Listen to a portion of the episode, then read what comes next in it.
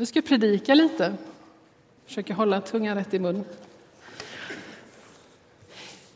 Jag måste säga att den här vintern och våren tycker jag gudstjänstmässigt och i förkunnelsen har varit fantastisk. Och då menar jag inte att upphöja mig själv, för det är mest Fredrik som predikar. Eh, och han är fantastisk. Men vi har haft tre, tycker jag, jättestarka teman som har berört mitt liv eh, djupt faktiskt. Och det är inte alltid man är med om det. Eh, vi har talat om tillbedjan.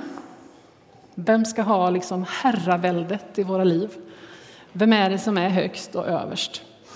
Vi har talat om tid, som nästan blev samma sak. Alltså, vem har herraväldet? Hur prioriterar vi? Vad ska vi göra med våra liv?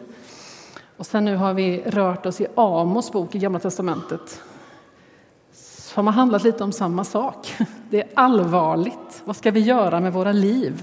Vad är det Gud säger att vi ska liksom göra? Och att det, det är viktigt vad som bor i våra hjärtan och vad det är som kommer ut och att det verkligen hör ihop.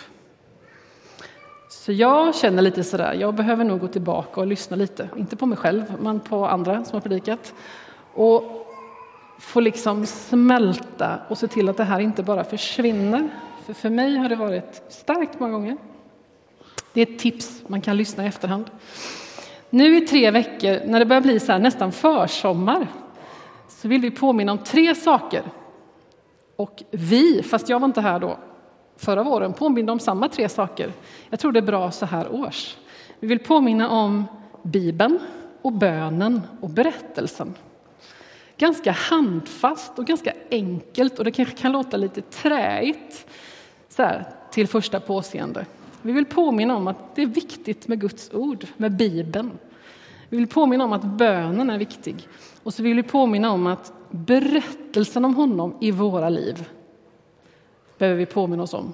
Och vi behöver påminna oss om att komma ihåg att berätta den berättelsen för andra. Och det kommer de här tre närmsta veckorna handla om. Väldigt enkelt. Och idag ska det handla om min bibel.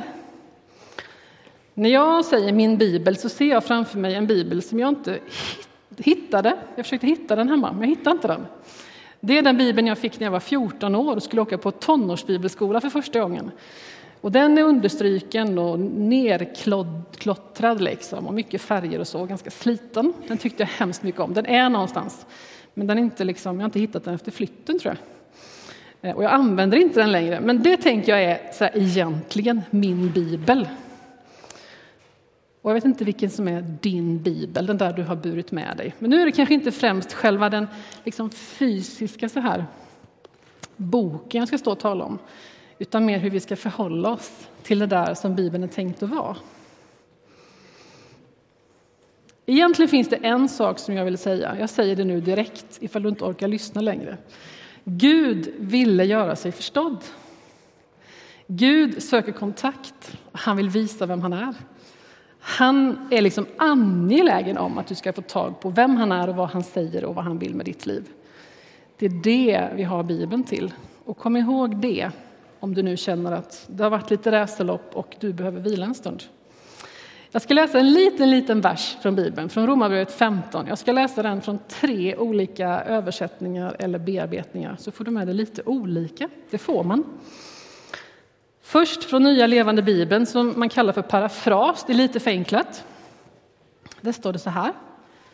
Alla dessa budskap från Gud som finns i skriften står där för att undervisa oss. Det är Paulus som säger det här. De är till för att uppmuntra oss så att vi utan att tröttna kan hålla fast vid hoppet om att till slut räddas för evigt. Så finns det en fantastisk, det är egentligen inte en översättning, men det är liksom en omskrivning av, av Bibeln som kallas för The Message. Den är rolig att läsa för den får en att studsa lite ibland. Samma vers står på det här sättet i den. Trots att det skrevs för länge sedan kan ni vara säkra på att det skrevs för vår skull. Gud vill att skriftens på en gång ihärdiga, outtröttliga maningar och tröstande personliga råd ska prägla oss och göra oss redo för vad han än gör härnäst. Och så står det i folkbibeln.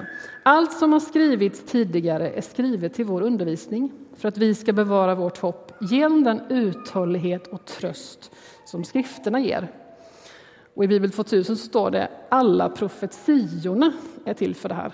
Och det är egentligen en sämre översättning, så därför tog jag inte med den. Gud vill att vi ska förstå hans ord. Vi kallar ju Bibeln för Guds ord. Han vill att vi ska få undervisning och han vill att vi ska uppmuntras så att vi liksom kan hänga med i svängarna vad han liksom tänker härnäst. Jag tycker det är ganska bra. Om vi skulle börja från början i Bibeln så får vi ju höra om att Gud skapar människan och sätter henne i en trädgård. Och sen kommer han dit om kvällarna och vill träffa dem. Jag vet inte riktigt hur det går till att Gud kommer på besök i den där trädgården om kvällarna. Men hur som helst så är det uppenbart att han vill vara dem väldigt nära. Han vill liksom träffa människorna. Han söker upp deras sällskap. Han vill tydligen lära känna dem och han vill att de ska lära känna honom.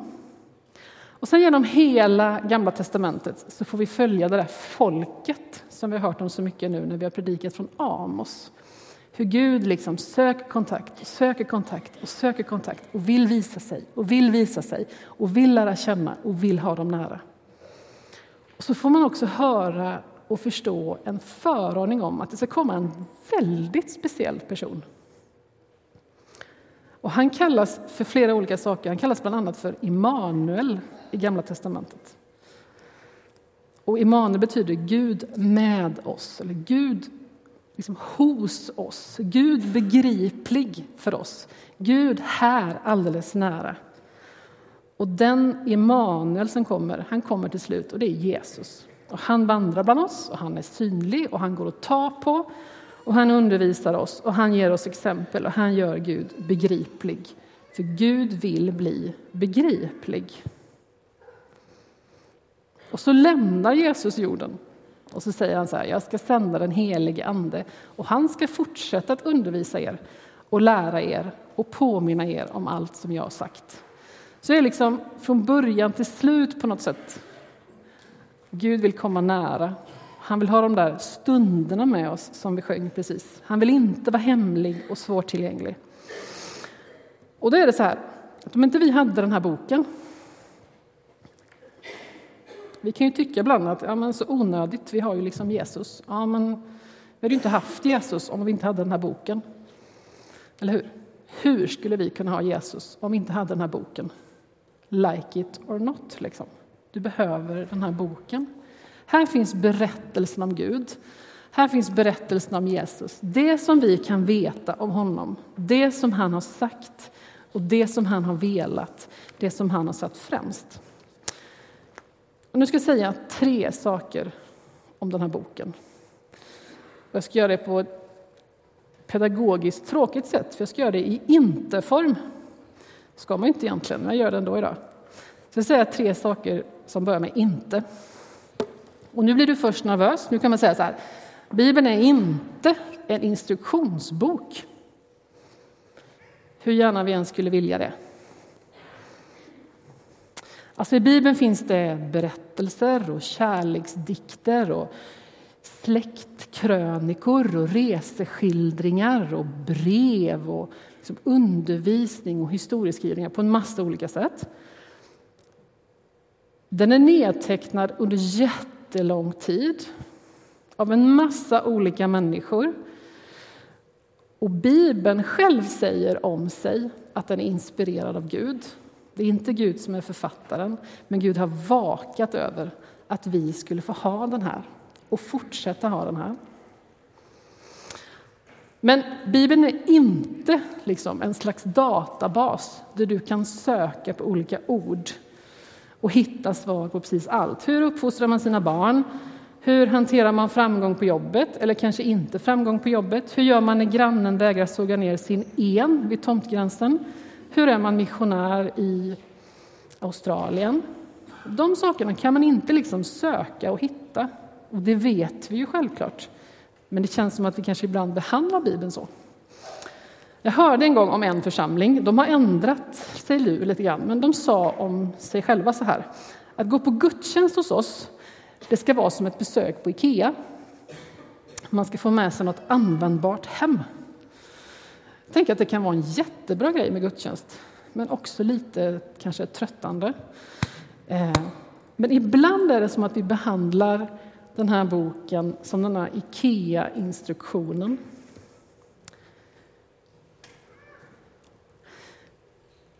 Men det är ju inte så när du står med IKEA-instruktion. Ni vet den där med en överstruken ledsen gubbe överst. Vi är noga med att säga hemma varenda gång, just det, man får inte vara ensam och ledsen. Och sen är det att du ska skruva med, ja, vet allt det där. Men i de där papperna får man ju inte liksom lära känna Ingvar Kamprad.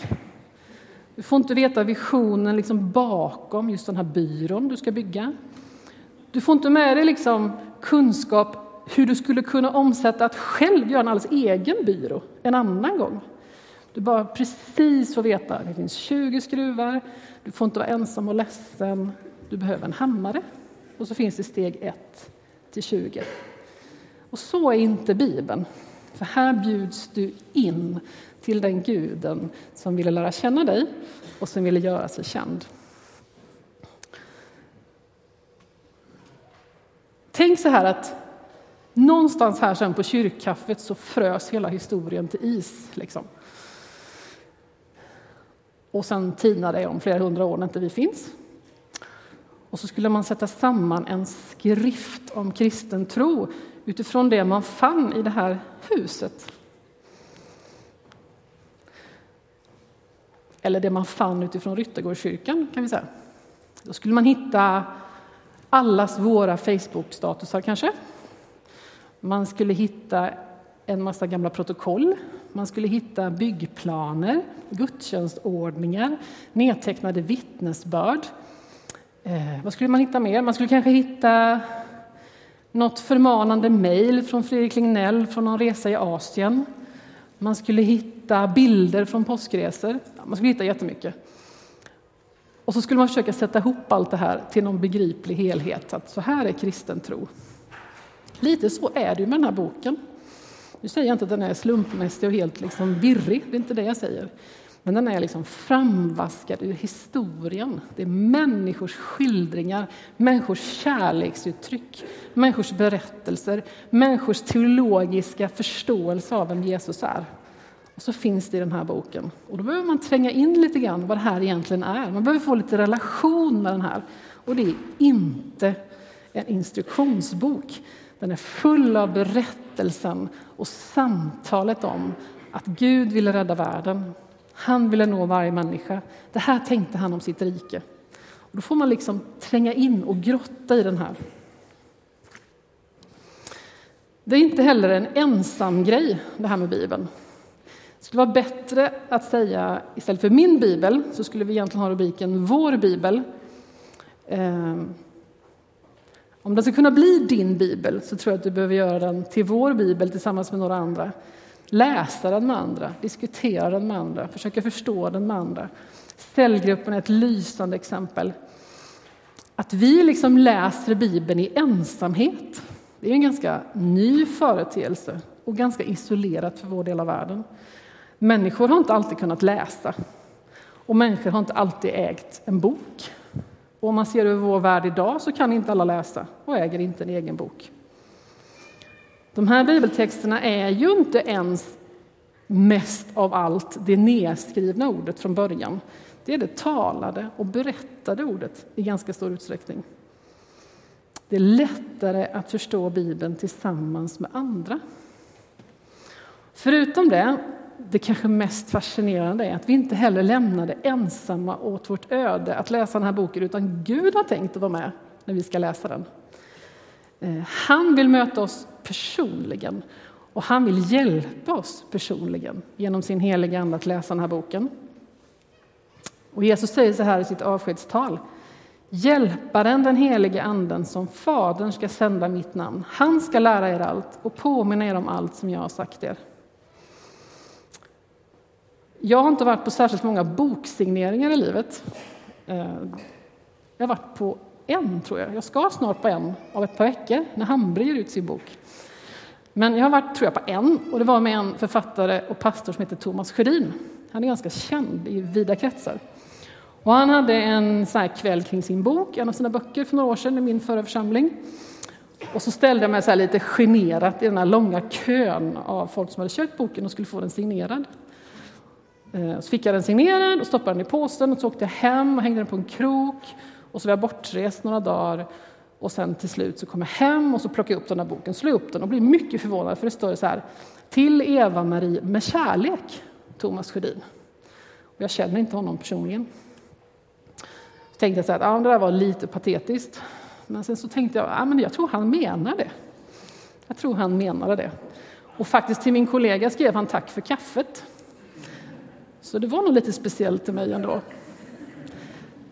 Men grejen är bara den att det stoppar ju liksom där. Jag känner ju inte Thomas Sjödin, även om jag har läst om honom, jag vet vad hans barn heter, för han har berättat om dem. Jag har hört honom förkunna, jag skulle känna igen hans röst på radio, men jag känner ju inte honom. Och han åkte faktiskt hem till Göteborg efter den här kvällen och lämnade alla oss läsare helt åt sitt öde.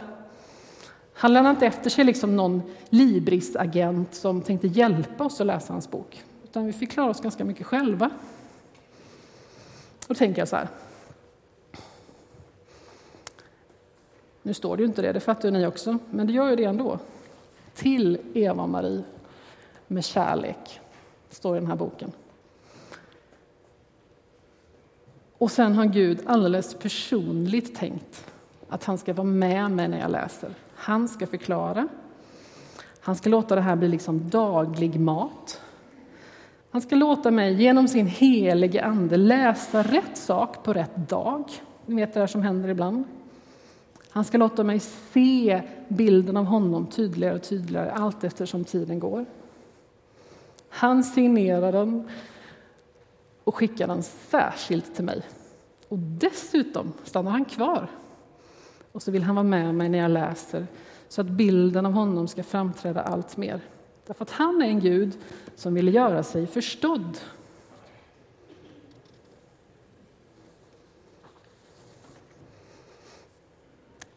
Det är inte farligt med goda vanor. Vi är lite ibland rädda för att ställa krav på varandra och säga att det är viktigt liksom, med goda vanor. Det är viktigt att läsa den här boken varenda dag. Men det är inte farligt med goda vanor.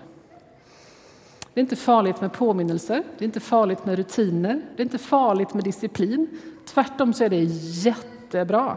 Det som kanske inte är så bra om du liksom jag har fått till dig såna utmaningar, kanske gärna i tonåren, där det var, eller så var det för mig, jag var tonåring på 80-talet, då var det liksom ganska höga krav. Jag hade en bibelläsningsplan som hade något flashigt namn, man skulle hinna hela bibeln på ett år. Jättebra! Det är bara det att när jag inte hann hela bibeln på ett år så blev det kanske snarare inte bibeln alls än Bibeln lite grann, och det är inte bra. Så jag säger så här, det är bra med goda vanor, det är inte farligt och inte dåligt. Och är du en sån där som jag bitvis bara känt, om jag inte lever upp till den där stora planen så är jag en dålig kristen. Då vill jag säga igen, Gud är en Gud som vill göra sig förstådd. Och han gör det genom sitt ord. Och plocka upp den där boken. Jag hörde om en, en cellgrupp här i församlingen. Jag ser att några av er är här. Jag har inte frågat om lov, så säg inte vilken det är. Jag ska bara berömma er. Det var en fantastisk trädgrupp som jag fick besöka. Och de laddade ner samma app allihopa. Jag tror att det var kanske U-version som är jättebra. Och där kan man liksom så här bli vän med varann. Man kan bestämma sig för en bibelläsningsplan tillsammans. Och de berättar så roligt om det att då såg de ju liksom när de andra läste och då vill man gärna läsa lika mycket och gärna helst före de andra. Och några som var gifta insåg att aha, nu visste ju hon där redan att du hade läst, men jag visste ju inte. Och så. så det blev lite så här, jag skulle säga att det blev en god liksom, puff till goda vanor och disciplin och det behöver en del av oss. Och idag finns ju liksom alla sådana hjälpmedel som man bara kan tänka sig. Släpp de där gamla grejerna som du kanske har med dig, precis som jag har.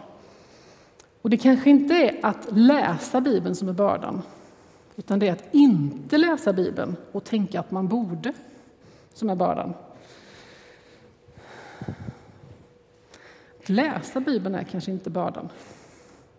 Därför det är där Gud gör sig förstådd. Och han vill ha gemenskap med dig och han vill samtala med dig. Det kanske är att inte läsa den och tänka att man borde. Nu ska jag avsluta med två mycket enkla utmaningar.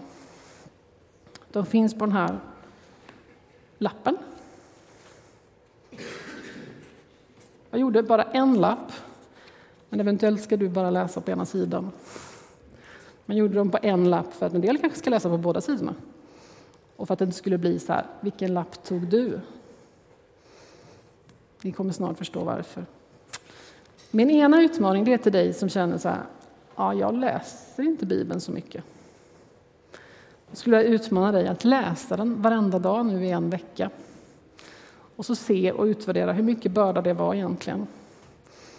Och då kan man få hjälp. Det här är bara ett förslag, du kan läsa precis vad du vill.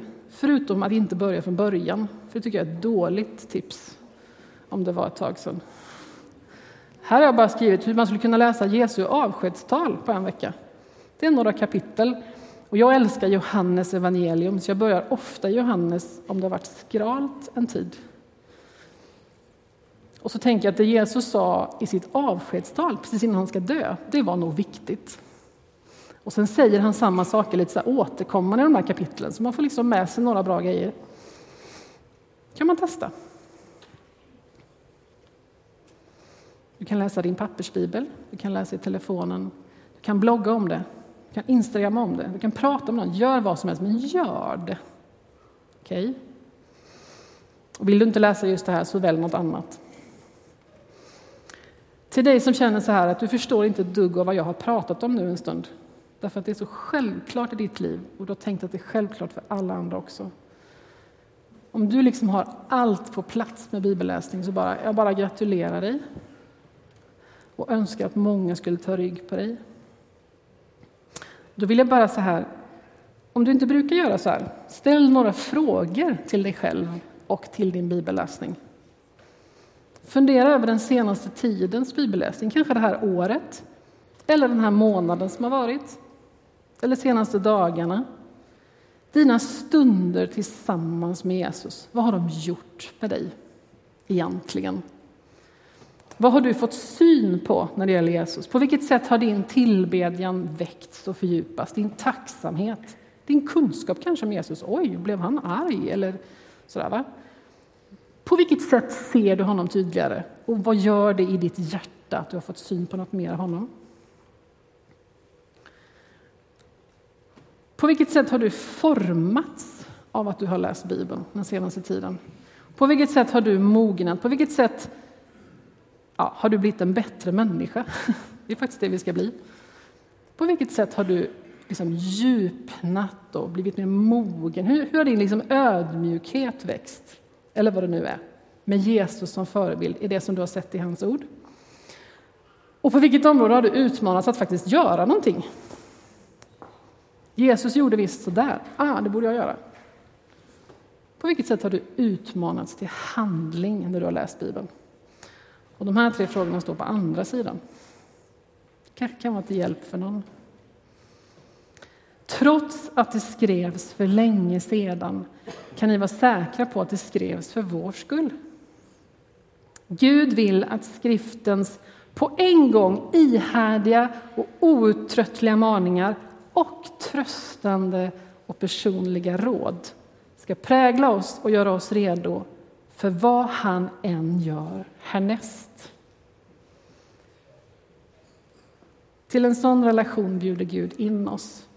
Och det är en relation som hela tiden pågår. Och där behöver du läsa hans ord. Du får liksom leva i närvaron av honom själv.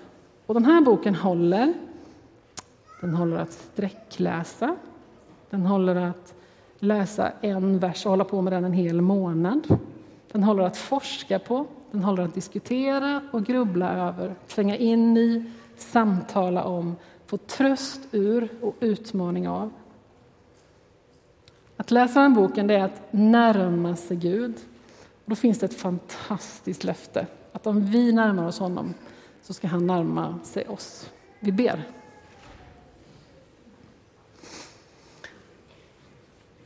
Jag tackar dig Gud för att du är en Gud som har velat göra dig förstådd och begriplig och synlig och liksom möjlig att upptäcka och möjlig att lära känna. Tack för att du genom hela historien har liksom på alla upptänkliga sätt försökt att visa dig. Och när ingenting annat gick så sände du din egen son till den här världen. Tack att vi får läsa om det och höra om det och förstå mer vad det var som hände och vad det var du sa Jesus i ditt ord. Herre, jag ber för den som kanske kämpar jättemycket med att förhålla sig till Bibeln. Jag ber att du skulle lysa igenom bibeltexterna. Och du vet vad vi ibland behöver lägga undan. Men du vet också när vi ibland behöver ödmjuka oss. Jag ber att du skulle bara komma till oss med din heliga Ande, du som har lovat att lära oss allt. Kom med din Ande. Jag ber att du skulle liksom vara oss nära, knacka oss på axeln, påminna oss om att söka dig också i ditt ord, Herre. Och Herre, att inte bara läsa det utan få formas av det, bli utmanad av det. Eh, få liksom ett hjärta som klappar för dig när vi ser vem du är i ditt ord. Tack att vi får lägga våra liv i dina händer. Amen.